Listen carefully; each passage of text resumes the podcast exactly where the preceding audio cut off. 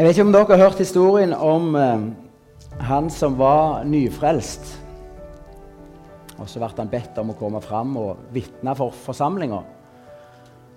Og så sa han det akkurat som han hadde det på hjertet. Han sa det er fantastisk å være frelst. Og så så han utover forsamlingen. Den var alvorlig, og hun var knytta. Og så mista han frimodigheten, så han sa eller det er ikke så aller verst. Ellers kjenner dere historien fra Mattis 13 om han som fant skatten i ågeren. Og så står det i sin glede I glede og begeistring, om du vil, så solgte han alt. For han hadde funnet noe som var så uendelig verdifullt. Jeg har prøvd å male et bilde noen kvelder av, eller formiddag av å gå på gjengrodde stier. Tittelen er jo henta fra Hamsuns siste bok, men jeg, det er ikke boka hans jeg snakker om. Eh, vi sitter på veien, eller stien inn til stillhet for Gud.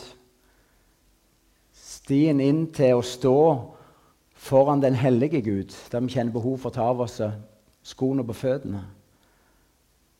I dag skal vi snakke om eh, kjærlighetsstien. Den trangen som Gud ved sin ånd og sitt ord kan skape og fornye i en kristen, der vi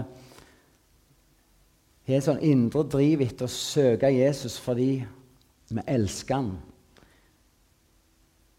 Der det ikke er bare fordi vi skal gå på et møte, eller fordi andre må se at vi fortsatt er med, eller fordi vi skal oppfylle en plikt, men det er noe indre som driver oss. Vi søker Han som elsker oss fordi vi elsker Han. Ehm, det er så utrolig viktig at vi har hjertet med oss i livet som kristne. At vi ikke mister hjertet vårt underveis i alle gode vaner, aktiviteter og gode formål. Og En sang som har svevet i meg siden i går kveld og når jeg våkna i dag morges, det er en gammel sang av Petra. Don't let your heart be hardened. Don't let your love grow cold. Og Det er min bønn for denne timen at vi skal få hjelp til å ha hjertet vårt rett. At ikke det skal bli verken kaldt eller hardt. Eh, vi skal sammen gå inn i en utrolig utfordrende tekst fra Johannes' åpenbaring nå i formiddag. Eh, vi skal gå inn i det første av sju sendebrev. Brevet til Efesos. Vi leser der i åpenbaringa kapittel 2, vers 1-7. Skriv til engelen for forsamlinga i Efesos. Dette sier han som holder de sju stjernene i sin høyre hand, han som går omkring mellom de sju gullysestakene. Jeg veit om gjerningene dine. Du har streva, og du har hallet ut. Jeg veit òg at du ikke kan tåle de vonde. Du har prøvd de som kaller seg apostler, men ikke er det, og du har funnet at de er løgnere. Du har hallet ut, og du har tålt mye for mitt navns skyld, og ikke trøytna. Men dette har jeg imot deg. Du har gjevet opp din første kjærleik. Kom i hug hvor du sto før du fall. Vend om og gjør de gjerningene du gjorde før. Ellers kommer jeg til deg og tar lysestaken din bort, om du ikke vender om. Med den ro skal du ha, at du hater gjerningene til nikoalittene, slik jeg sjøl gjør. Den som har øre, hør hva Anden sier til forsamlingene. Den som sigrer, vil jeg la ete av livsens tre, som er i Guds paradis. De sju sendebrevene er jo en guddommelig analyse av det indre liv i menighetene. En lysestake betyr i Johannes' åpenbaring en menighet. Og Jesus går iblant sitt folk. Han ser forbi fasaden, han ser inn til hjertet, til det indre livet. Og Jesus er den samme i dag. Han går iblant oss. Han ser forbi min og din fasade. Han ser til hjertet. Og Jesus, Det Jesus ser her hos efeserne, han ser og anerkjenner mye. Han starter med å si 'Jeg ser dine gjerninger'. Jeg ser ditt strev. Jeg ser ditt arbeid. Jeg ser din tjeneste. Jeg ser det liv du lever. De vært utholdende og trufaste i arbeidet for Gud. De holdt ut i motgang. De har måttet tåle mye for hans navns skyld. Kanskje til og med åpenlys forfølgelse. Og de er ikke gått trøtt. De har ikke kastet inn håndkleet. De har ikke trukket seg tilbake, men de er der. Sånn ser Jesus også deg. Ditt liv, din tjeneste, mitt liv. Han ser deg som trufast år etter år har stått i et søndagsskolearbeid, et lagsarbeid, et yngresarbeid, menighetsarbeid, korarbeid, hjelpearbeid Hva det måtte være. Og Der Jesus ser trufasthet i et arbeid, så anerkjenner han det. Jeg ser dine gjerninger. Jeg ser ditt strev. Jeg ser din utholdenhet. Det virker også å ha vært ei gudfryktig forsamling. De kunne ikke tåle det onde.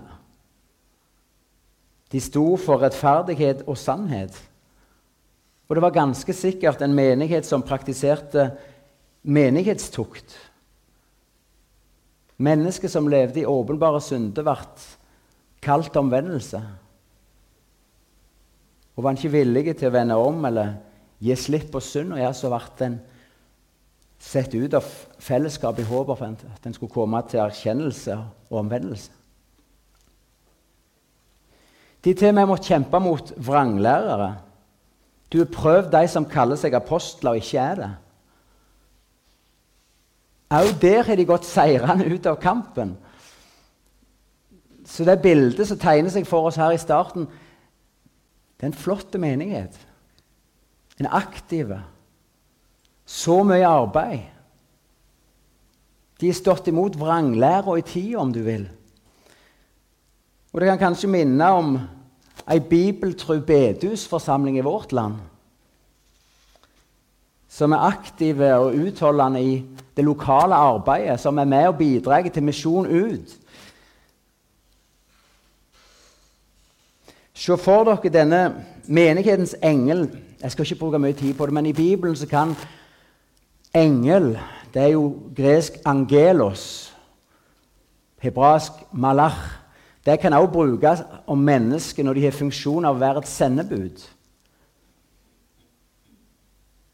Det er sånn jeg forstår det her, at menighetens engel det er ikke en eller annen himmelsk åndsvesen som blir kalt ansvarlig for situasjonen i denne lokalmenigheten, men det er menighetens forstander, prest, eldste, om du vil. Se for dere denne menighetsforstanderen som leser dette brevet ifra den oppstande Jesus. Det er jo ifra Jesus. Via hans disippel Johannes. Jesus ser oss. Han kjenner kampene, han kjenner livet vi lever. Og alt hadde vært såre vel om det ikke var for et 'men' som nå kommer i brevet. Men dette har jeg imot deg. Du har forlatt din første kjærlighet. Efeserne trodde rett. Teologien var i orden. Og de la vind på å leve rett. Og de var aktive.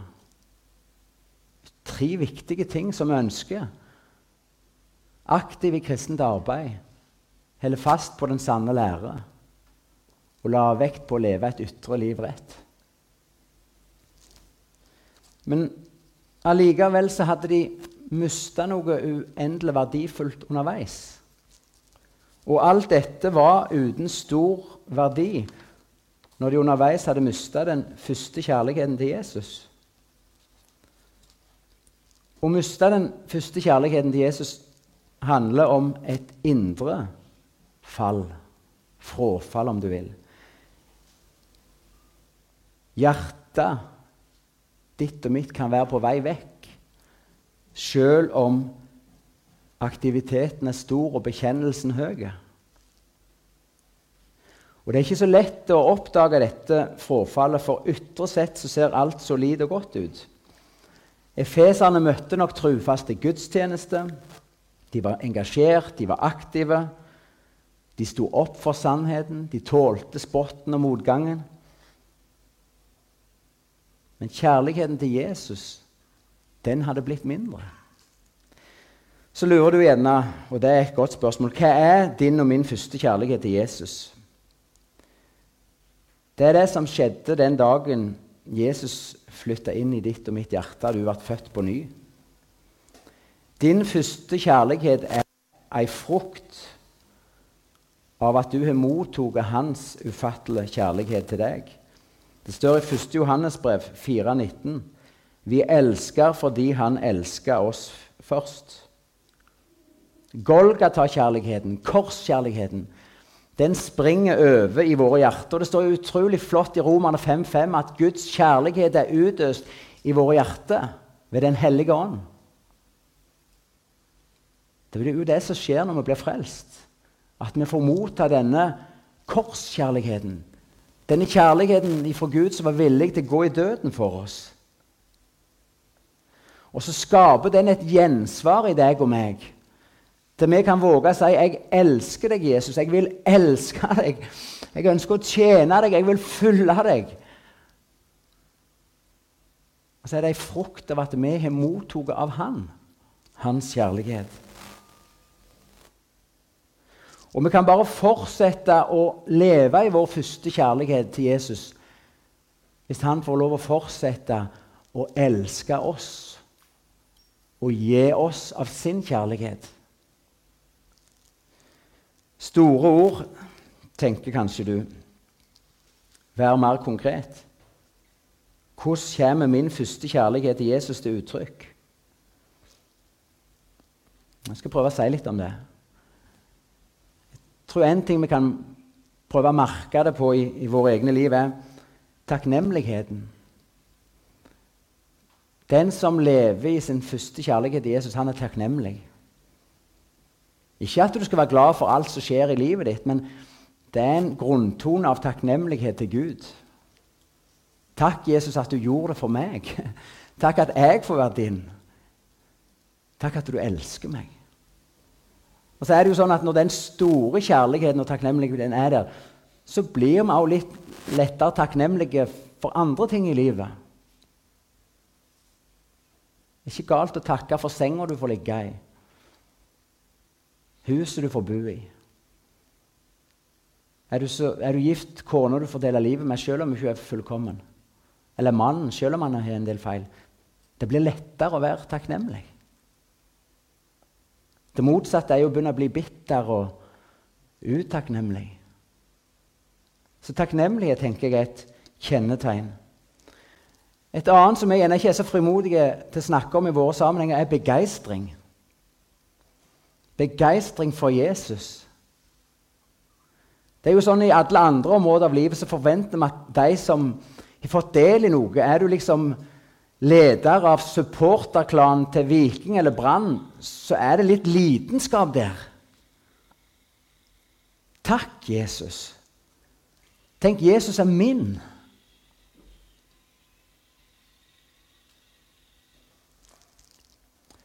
Avhengighet tenker jeg kan være et tredje kjennetegn. Når vi lever i den første kjærligheten, vi er så avhengige av Jesus. Av fellesskap med Han. Av Hans kjærlighet. Av å forsøke Han å være med Han. Det er det som gjør at denne stien Vi går han opp, vi vil inn. Vi, vi søker den vi elsker. Et annet kjennetegn overgivelse til Jesus. Det er jo egentlig litt logisk. Han ga alt for oss. Han ga sitt eget liv. Det er da vi får lyst til å si 'Jesus, her er jeg. Ta meg. Bruk meg. Hva vil du med mitt liv?' Det er ikke plent et ork og et sånn å legge sitt eget liv ned og fylle han. Det, det er noe vi vil av hjertet. Jesus, hva vil du? Bruk meg. Og Et siste punkt som jeg tenker også kan Det er et kjennetegn på at vi lever i den første kjærligheten. Det er søskenkjærlighet. At vi elsker de som Jesus elsker. Jeg tenker, Kommer du inn i ei bibelgruppe, en menighet, et fellesskap, der det er varme, der det er en sånn raushet og vilje til å se det beste eller ta ting opp i beste mening, til, til å tilgi Det er for meg sånn kjennetegn på at her er, her er kjærligheten levende. Motsatt er jo når vi blir uforsonlige. Det blir konfliktfullt. Konflikter går i generasjoner, og vi husker på det han sa den gangen. Og så blir hjertene så fort harde. Og så blir kjærligheten kald. Jeg skal bruke et lite sånn eksempel. Et tenkt ektepar. Ola og Kari de gifter seg, og de elsker hverandre. Av hjertet. Det er jo derfor de gir hverandre sitt ja. Og de lever i denne gjensidige kjærligheten i ord og gjerninger. Men ettersom åra har gått En kan gjerne ikke helt sette foten på når skjedde det, men så er det skjedd noe med denne kjærligheten. Den har kjølna, den har blitt mindre. Men for de som ser Kari og Ola utdannet, så ser alt likt ut. De lever det samme livet. I starten var det sånn at Kari hun lagde kjøttkakemiddag. Jeg har tradisjonell kjønnsrolle her nå, men jeg kan jo bare si jeg lager middagen hjemme, så ikke få piggene opp. Kari hun lagde kjøttkakemiddag hver onsdag, for hun visste at Ola elsket kjøttkaker. Og Hun fryda seg når han så det sånn. Han hadde faktisk den vanen at han så det nynte når han åt god mat. -hmm. Det var bare musikk for hun. Det er fortsatt kjøttkaker på onsdagen, men er det fordi det er sånn det er. Det er onsdag, det er kjøttkake. Ola han visste at Kari hun var nøye på ting. Hun ville at det skulle være velstelt rundt huset. Derfor i starten så den lange alleen og hekken inn, den klipte han, og han sikte, og han gikk og tok alt. Og så tenkte han på Kari. Nå skal Kari bli glad. Alleen og hekken er fortsatt på G, men nå er det naboen han tenker på. Han skal se at det, det er på stell. Dere er sikkert med i bildet hvor jeg vil hen. Alt kan se likt ut med dette ekteparet, men allikevel er det skitt noe med hjerteforholdet. Sånn går det òg an i vårt ekteskap med Jesus. Vårt liv med Han. Ytre sett, akkurat sånn som Efesene, det kan se likt ut. Det kan være aktivitet, det kan være sannhet. Men så er det skitt noe med hjertet. Det går an å være en aktiv kristen. Du kan ofre arbeidet for misjon og Gud. Du kan elske arbeidet djupt og inderlig uten at det er Kristi kjærlighet som driver deg. Det går an å drive med barmhjertighetsarbeid, bønnearbeid, barnearbeid Hva som helst av kristent arbeid. Og du kan stå i et flott arbeid som Jesus anerkjenner, og fortsatt få høre et alvorlig og mektig 'men'. Men dette har jeg imot deg. Du har forlatt din første kjærlighet. Og Så ber Jesus oss videre som å stoppe opp. Tenk på hvor du sto før du falt. Ofte så ber jo Bibelen oss om å holde blikket retta på Han framover. Mot målet, mot fotsporet vi følger. Men i dag så ber Gud og Bibelen oss om å stoppe oss og se oss tilbake. Har du, og våge å stille det spørsmålet, har du, har jeg, har vi mista noe uendelig verdifullt underveis? Før var det et indre liv som preste på. Et liv som ville ut. Gjennom munnen, føttene, hendene. Kan hende hvis dette gjelder deg, du har falt. Aktiviteten går videre, det ytre livet. Men drivkraften, din første kjærlighet, den mangler. Og Dette vet jeg av egen erfaring. Jeg tror vi har lett for å gjemme oss bak og forsvare oss med teologiske læresetninger om vår forderva syndenatur, om nåden og Gud alene, for å unnskylde og bortforklare hvorfor det ikke lenger er et levende gudsliv i oss. Og Noen mener at det er sånn det må gå med åra. Det er én sak å være brennende når en er ung og litt naiv, tenker en gjerne. Men det roer seg ned med tida, med åra. Barn, arbeid, familie. Så mye kommer og gjør det vanskelig å ha den brannen. Bryllupsdagene varer ikke livet ut. Ungdomsgløden og grepenheten avtar med åra. Kanskje noen forklarer meg det var så mye innbilning og følelse under min første tid som kristen. Jeg har ikke tapt noe som virkelig har verdi. Alt det flotte og rosverdige som fantes i Efesus, kunne aldri erstatte den første kjærligheten sin plass.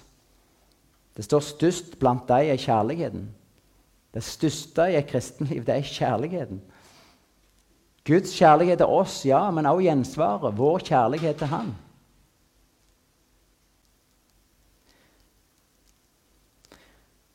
Det er utrolig vanskelig å erkjenne at en sjøl har falt. Og Spesielt på det vi taler om i dag, for det er et indre fall. Vi kan ikke se på aktiviteten, på bekjennelsen, på teologien. Men det er skjedd noe i hjertet. Sjøl har jeg erfart dette. Og jeg var ikke klar over det. I desember 2009 så fikk jeg en SMS av en kamerat der det sto 'Tror dette er til deg. Be over det.' Og Der sto det et budskap. Jeg ser du sliper dine sverd skarpe. Du slår hardt, og du sier at du gjør det for meg. Men vit det, at sannhet uten kjærlighet aldri er for meg. Dette traff meg ikke umiddelbart. Jeg forsto jo hva de skarpe sverdene var. Det var budskapet som jeg forkynte. Og Jeg hadde erfart at Jesus hadde lagt bibeltekster ned i meg, i hjertet mitt, som brant, som hadde blitt til noe jeg nærmest ropte eller forkynte ut. Det var kall omvendelse. Og Jeg begynte å se over talemanusene mine for å se er teologien i orden jeg en sann forkynnelse av Guds nåde og kallet til omvendelse. Og Så langt jeg kunne bedømme, så var teologien i orden. Så Jeg kjente ikke at det traff meg, men allikevel så bak Jesus hvis jeg mista kjærligheten til deg jeg forkynner til Hvis det skjedde noe med hjertet mitt, så vend meg om. Men jeg forsto ikke at det virkelig var meg det hadde skjedd noe med. Så var Gud tålmodig med meg. Gradvis så forsto jeg at det til å være en budbærer, det til å være en som reiste rundt i så mange ulike sammenhenger og forkynte, det hadde blitt det største og det første og det viktigste i livet mitt. Det hadde fått ta førsteplassen. Tjenesten for Han. I plassen for at jeg var den som trong Jesus et ord til meg, Rør med mitt hjerte. Så var jeg bare opptatt av alle andre hjerter jeg skulle få berøre på Guds vegne. Og Det som skjedde med meg, vil skje med alle hvis noe kommer før i livet ditt enn Jesus og fellesskap med Han. At han får ha førsteplassen før tjenesten, for han, før jobben, før alt. Så vil det skje noe med hjertene våre. Da vil den første kjærligheten begynner å kjølne i ditt og mitt liv. For vi elsker fordi han elsker oss først. Og vi kan bare fortsette å elske og tjene med kjærlighet som drivkraft, der han får lov å elske oss på ny og på ny først. Røre med mitt liv først.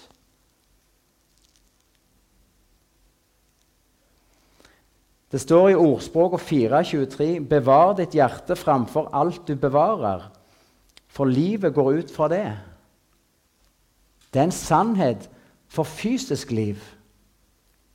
Hvis det ikke var for vi hadde et hjerte som slår, som pumper blod ut i hele kroppen, som gir liv og kraft til hele kroppen vår, så kunne vi ikke vært her i dag. Et hjerte som er i orden, i funksjon, er en forutsetning for fysisk liv. Men det gjelder også for livet med Gud. Der har vi fått et nytt hjerte. Steinhjertet tok han ut, Den hellige ånd tok bolig. Og så skal et nytt liv ut i hele oss.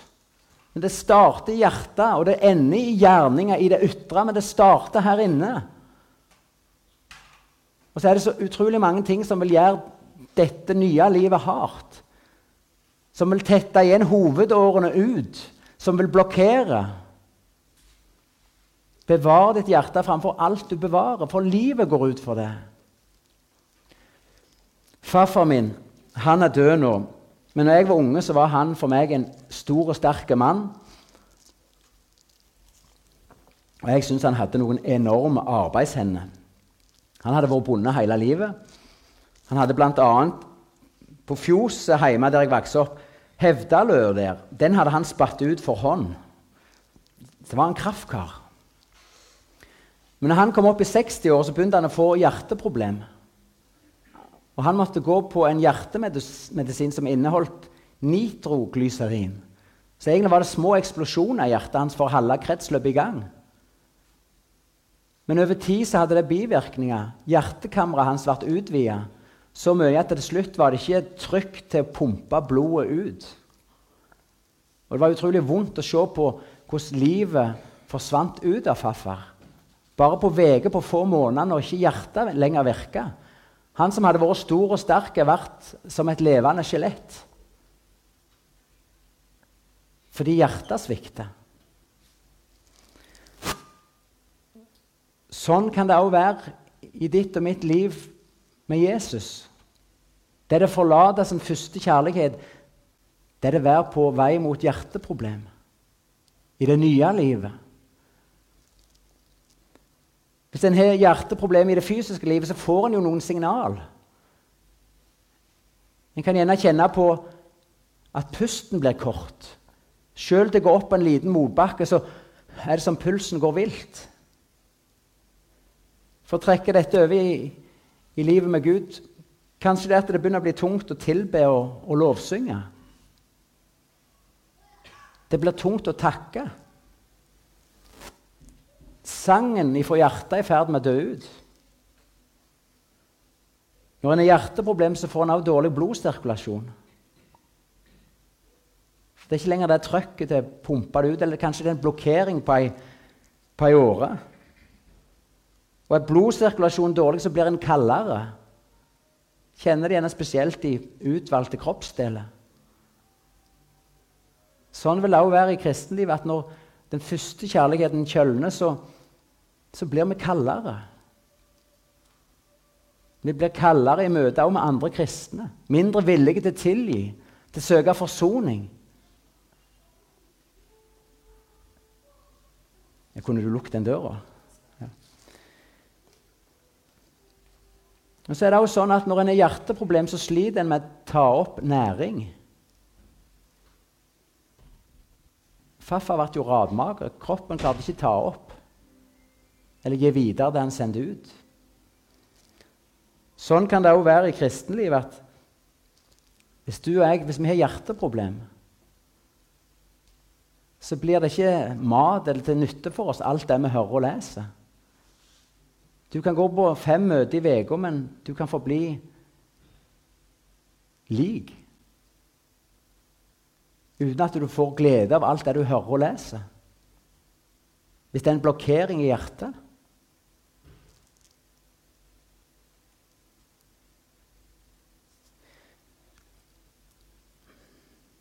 Jeg tror vi har utrolig lett for å lure oss på dette området når det gjelder hjertet. For vi ser så fort bare på det ytre at ja, men jeg har jo en rett til teologi, og jeg tror jo på Jesus, og han har frelst meg, og jeg er tilgitt, og det er bare nåde. Men så forstår vi ikke at det er andre ting som kan ha kommet inn og gjort hjertet ditt og mitt hardt. For noen var det kanskje en skuffelse over ektefellen. Du trodde du gifta deg med en hyrde- og kristenleder, men så er han den slakkisen. Du trodde han skulle stå opp for familien, men så bare trekker han seg. En skuffelse kan bli til en bitterhet. Det kan føre til at hjertet ditt blir hardt. Eller kan til og med være at du kom hjem fra misjonsmarka, og så blir du så skuffet når du ser hvor lite de bryr seg om arbeid der ute. Om din tjeneste, hvor lite anerkjennelse, hvor lite interesse, hvor lite forbønn. Og så får det hjertet det begynner å bli hardt. Og så er det også så mange bedehus jeg besøker rundt der det er en eller annen form for konflikt.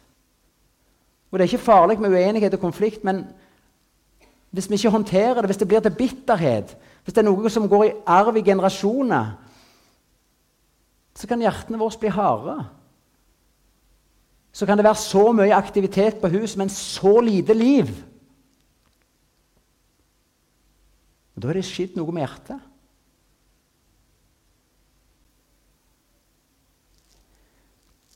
Det kan til og med være suksess du har hatt i livet ditt. Noe annet som har fått førsteplassen. Gud velsigne deg i den bedriften du starter opp, men så tok det hjertet ditt. Eller det kan være motgang. Du var sleien av sykdom eller kona di. Og så skal ikke det være en anklage mot deg, men det ble noe hardt i hjertet ditt. Du forsto det ikke. Hvorfor? Det er lov å både spørre hvorfor og ikke forstå, men jeg tror dere er med. Så mange ulike ting kan bli blokkeringer. Noe hardt, bittert, utilgivende, uforsonlig. Og så tenker vi ja, men jeg er jo kristen, og jeg er i Kristus. Ja, men bevar hjertet ditt, for livet går ut ifra det.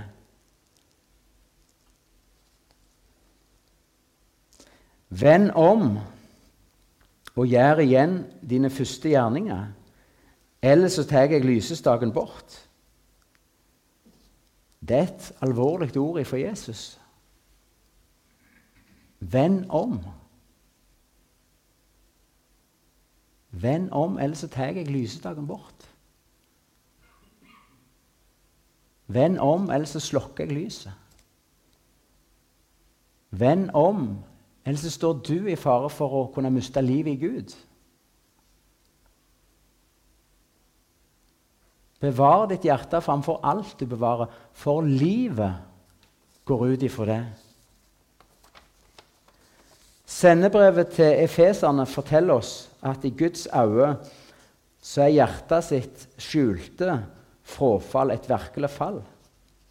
Det går an å ytre sett leve et eksemplarisk liv som kristen få anerkjennelse av Gud for tjeneste og arbeid og utholdenhet, og allikevel være en som i Guds øyne har falt ifra den første kjærligheten. Noen vil avfeie denne teksten og si ja, det gjelder ikke oss. Og si at Efeserne de hadde jo slutta å tro på Jesus. De var jo ikke kristne, for, for det er jo han som er den første kjærligheten. Nei, det er ikke sånn det står. Det er Jesus som truer og advarer efeserne om at han vil forlate dem om ikke de vil vende om. Og han kaller dem til omvendelse.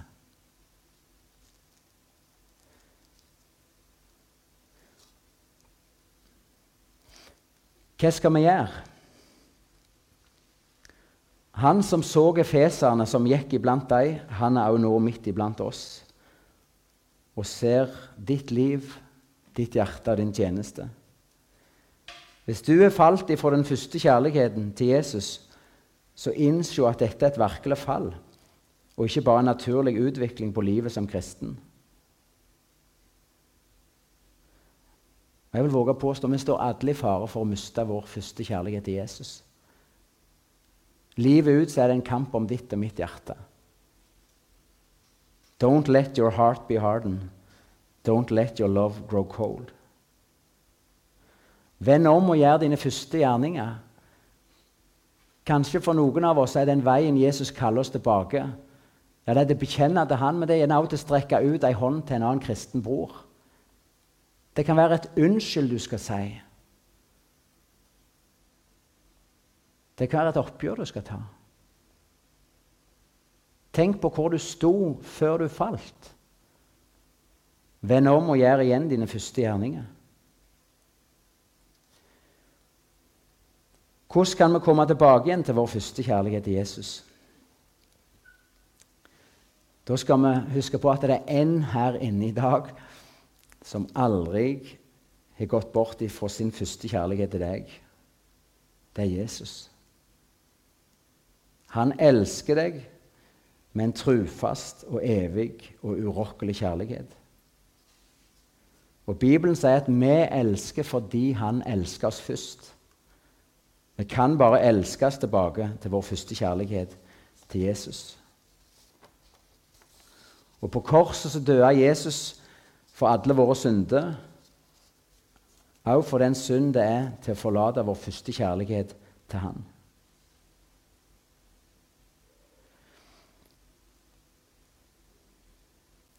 Don't let your heart be hardened.